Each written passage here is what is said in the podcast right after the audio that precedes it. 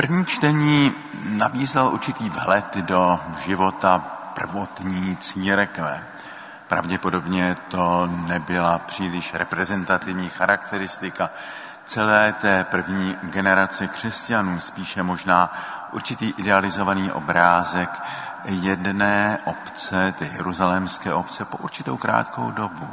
Nicméně k tomuto ideálu toho bratrského společenství, které se dělí o všechno, se církev v dějinách vždy znovu vracela, často v podobě zrodu nových řeholních řádů, které v sobě uchovávaly ten plamen toho prvotního nadšení, kdy očekávali brzký druhý příchod Kristův. Ale Evangelia nám líčí eh, různé způsoby, jimiž Ježíš přicházel a přichází do sboru učedníků, jimiž naplňuje ono slovo, kde jsou dva nebo tři schromáždění ve jménu mém, tam jsem já uprostřed nich. Eh, do toho večeřadla přichází Ježíš skrze zavřené dveře strachu. Oni jsou zamčeni strachem. Ale Ježíš zřejmě nechce, aby jeho církev byla uzamčenou, do sebe uzavřenou sektou, uzamčenou před světem, strachem, předsudky, nedůvěrou. Nechce, aby byla jakýmsi elitním uzavřeným klubem. Chce, aby byla nabídkou pro všechny lidi. A tak Ježíš překonává ty zamčené dveře strachu. Přichází a legitimuje se svými ranami. A oni s radostí v něj uvěří, ale pak je tam ještě ten, který nevěřil tak lehce, Tomáš. A Ježíš nechává ve své církvi prostor pro ty, kteří nevěří tak lehce. Prostor pro ty pochybovače, přichází k Tomášovi. Svatý Řehoř, tuším, že to byl svatý Řehoř Veliký, učitel církve, který řekl, nevíra Tomášova nám více pomohla, než ta víra těch jedenácti učedníků. Protože Ježíš přichází k němu a ukazuje mu své rány. To je hrozně důležitý motiv. Mám rád a často cituji tu legendu o svatém Martinovi, kterému se údajně ďábel ukázal v podobě Krista. Ale Martin se nenechal napálit a řekl, kde jsou tvé rány? Doznávám, že taky bych nedovedl věřit v Boha, který by nenesl rány. V Boha, který by eh, apaticky trůnil jako nejvyšší soucno, kde si daleko nad námi. Takový Bůh je opravdu asi projekcí lidských přání. Bůh, kterého nám zpřítomňuje Ježíš, je Bůh spolutrpící. Ježíš přichází a ukazuje nám své rány a tím nám říká, i vy smíte mít své rány. Mnozí z nás neseme určité jizvy. Mnozí z nás jsme byli v životě někdy zraněni, někdy jsou to jizvy z dětství, nějaká dávná traumata, lidská zklamání, zklamání někdy i v náboženském životě nebo zranění z církevního prostředí.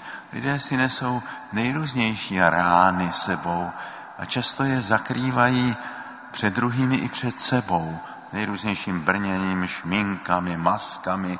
A Ježíš říká, můžete odložit ty masky. Já vás beru takové, jací jste. Můžete zde být se svými ranami. Já jsem zraněný a nese své rány. Jinou asociaci, která se mě vždycky vybavuje a omlouvám se, jestli jste už ji ode mě slyšeli nebo četli, vždycky si vzpomínám na to, když jsem v indickém madrasu navštívil poutní místo, na kterém údajně byl e, zavražděn e, svatý Tomáš Apoštol. Teď minulý měsíc tam byli naši přátelé Petr Vacík s Oldřichem Jirzou z Kolína a dneska mě zrovna o tom vyprávěl Oldřich, jak tam navštívili to místo.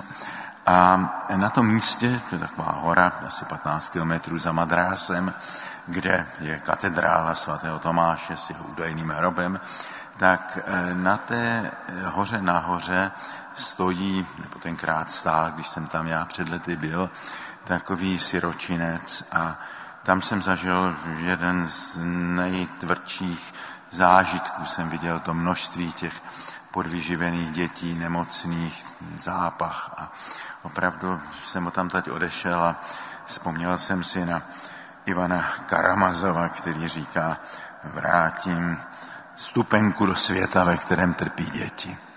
A najednou jsem si řekl, ano, ale to jsou vlastně ty rány Kristovi, to jsou ty rány Kristovi dnes, to jsou ty místa bídy, násilí, utrpení, to jsou stále ty Kristovy rány. A když my je budeme ignorovat, tak nemáme právo říci můj pán a můj Bůh. Protože Ježíš se nám zjevuje v těch svých ranách. Na jediném místě v evangelích explicitně se mluví o Ježíši jako o Bohu. A to je právě tohleto místo. Ten výkřik Tomášův, když vidíte rány a za můj pán a můj Bůh. Tomáš tam nedává nějakou teologickou definici Ježíšova božství, ale najednou zahlédne Boha tím oknem Ježíšových ran. O Ježíšových ranách je v Evangeliu, v pašijovém příběhu vlastně vícekrát řeč. Když e, zraněného, zbičovaného Ježíše přivedou před Piláta, tak Pilát říká, ekce homo, ejhle člověk. A když ty zhojené rány Ježíšovi vidí a poštol Tomáš, tak řekne Excedeus, ale Bůh, můj Bůh a můj Pán.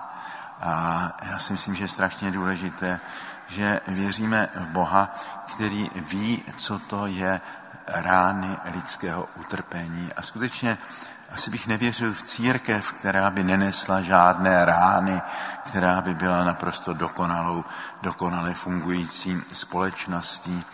Asi bych eh, nevěřil eh, ve víru, která by nikdy nenesla určité rány pochybností, otázek, která by byla jaksi nablištěná jako nějaká bezchybná ideologie. Ježíš nám říká, smíte mít své rány. Ano, i naše víra může nést své rány, své zkoušky, své temné noci, své pochybnosti. A Ježíš říká, tohle to můžete unést, dává nám sílu tyto věci vidět, neuhýbat před nimi a unést je, unést i ty naše rány, protože i on je zraněný a je zraněný také našimi ranami. Ježíš přišel mezi učetníky a dechl na ně a tím jim dává svůj největší dar, svého ducha. A ten duch se projevuje, jak čteme eh, v tom dnešním evangeliu, eh, tím, že přináší pokoj. To je ten pokoj, o kterém Ježíš říká v evangeliu, pokoj svůj vám dávám, ne jako svět vám dává dávám vám pokoj, který svět nemůže dát.